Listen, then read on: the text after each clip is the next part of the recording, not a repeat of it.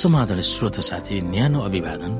म उही तपाईँहरूको आफ्नै मित्र धनलाल राईको श्रोत साथी आज म तपाईँको बीचमा बाइबल सन्देश लिएर आएको छु।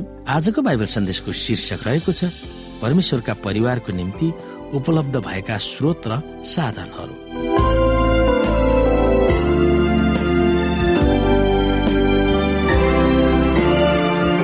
श्रोता साथी आफ्ना सन्तानहरूलाई परमेश्वरको सबभन्दा ठुलो उपहार यसु ख्रिस्ट हुनुहुन्छ। उहाँले हामीलाई क्षमा दिनु भएर शान्ति दिनुहुन्छ। हाम्रो दैनिक जीवनलाई चाहिने अनुग्रह र आत्मिक वृद्धि र अनन्त जीवनका आशा पनि उहाँले नै दिनुहुन्छ। किनभने परमेश्वरले संसारलाई यस्तो प्रेम गर्नुभयो कि उहाँले आफ्ना एकमात्र पुत्र दिनुभयो ताकि उहाँमाथि विश्वास गर्ने कोही पनि नाश नहोस् तर त्यसले अनन्त जीवन पाओस्। यो तीन अध्यायको स्वर तर त्यो अनन्त जीवन पाउन एउटा शर्त छ। तर जतिले उहाँलाई ग्रहण गरे र उहाँको नाउँमाथि विश्वास गरे उहाँले तिनीहरूलाई परमेश्वरका सन्तान हुने अधिकार पनि दिनुभयो भनेर योहन्ना एक अध्यायको बाह्रमा भन्दछ। सबै उपहार वा वरदानको आधारशिला मुक्ति हो वा मुक्तिको अनुभव हो। यो उपहार बिना परमेश्वरले दिनुहुने सबै थोकको अर्थ नै के छ र यो संसारको तितो सत्य नै यो छ कि हामीसँग जे छ? एक दिन हामी मरेपछि ती सबै हाम्रो निम्ति सखाप हुनेछन्। त्यति मात्र नभएर हामीलाई सम्झिने सबैजना पनि बितेर जानेछन् र हामीले जतिसुकै असल काम गरे पनि ती बिर्सनेछन्। त्यसकारण हाम्रो जीवनको प्राथमिकतामा सुसमाचारको वरदान सर्वोपरि राख्नु पर्दछ यसो ख्रिस्ट र उहाँको क्रुस हाम्रो सबै सोच विचारहरूको केन्द्रबिन्दु हुनु पर्दछ यद्यपि मुक्तिको साथै हामीलाई अरू धेरै थोक पनि दिनुहुन्छ। घाँस बाँस र कपासको निम्ति चिन्ता गर्नेहरूलाई सान्त्वना दिँदै यसुले भन्नुहुन्छ। पहिला परमेश्वरको राज्य र उहाँको धार्मिकताको खोजी गर अनि ती सबै तिमीहरूको निम्ति थपिनेछन्।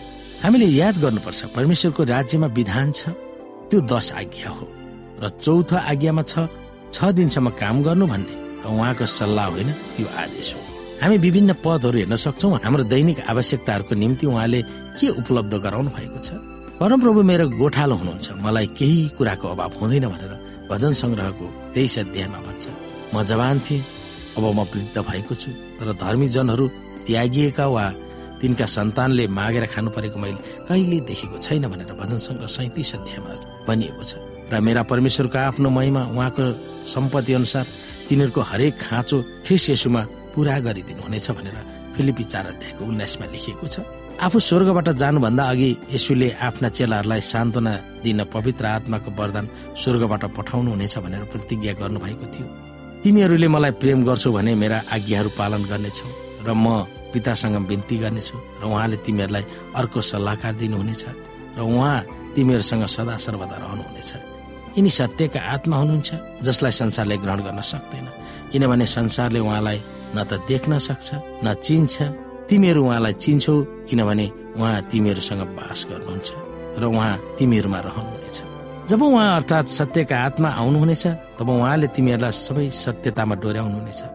उहाँ आफ्नो तर्फबाट बोल्नु हुने छैन। उहाँले जे सुन्नुहुन्छ त्यही बोल्नुहुनेछ र हुन आउने कुराहरू तिमीहरूलाई घोषणा गरिदिनु हुनेछ उहाँले मेरो महिमा गर्नुहुनेछ किनभने जे मेरो हो त्यो मबाट लिएर तिमीहरूलाई सु घोषणा गरिदिनु हुनेछ जे जति पितासँग छन् ती मेरा हुन्। त्यसै कारण मैले भने जे मेरो हो त्यो मबाट लिएर आत्माले तिमीहरूलाई घोषणा गरिदिनु हुनेछ। हामीले हेरौँ श्रोता होन्ना सोह्र अध्यायको तेह्रदेखि पन्ध्र। अनि पवित्र आत्माले नै परमेश्वरका सन्तानलाई अचम्मका आत्मिक वरदान वा क्षमता दिनुहुन्छ भनेर एक कोरन्थीमा हामी हेर्न सक्छौँ। छोटकरीमा भन्नुपर्दा जुन परमेश्वरमा हामी जिउँछौँ चल्दछौँ र जसमा हाम्रो जीवनको अस्तित्व छ जुन परमेश्वरले सबैलाई जीवन दिनुहुन्छ सास वा प्राण दिनुहुन्छ र सबै आवश्यकताहरू पुरा गरिदिनुहुन्छ। त्यही परमेश्वरले हामीलाई अस्तित्वमा ल्याउनु भएको छ मुक्ति दिने प्रतिज्ञा गर्नुभएको छ। हामीलाई चाहिने भौतिक आशिषहरू दिनुभएको छ र आत्मिक वरदानहरू दिनुभएको छ।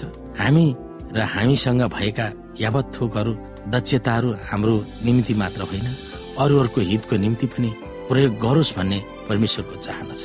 फेरि हामीमा जे भौतिक सम्पत्तिहरू छन् जुनसुकै वरदान क्षमता सिप र खुबीहरू छन् तिनीहरूको लागि परमेश्वरसँग ऋणी हुनुपर्दछ र हामीमा भएका सबै ती थोकहरू कसरी प्रयोग गर्छौँ सो परमेश्वरबाट पाएका हौ प्रमाणित गरिरहेका हुन्छौँ भनेर हामीले विश्वास गर्नुपर्दछ।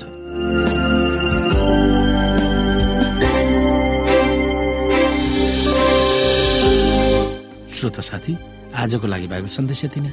हस्त नमस्ते जय मसिंह।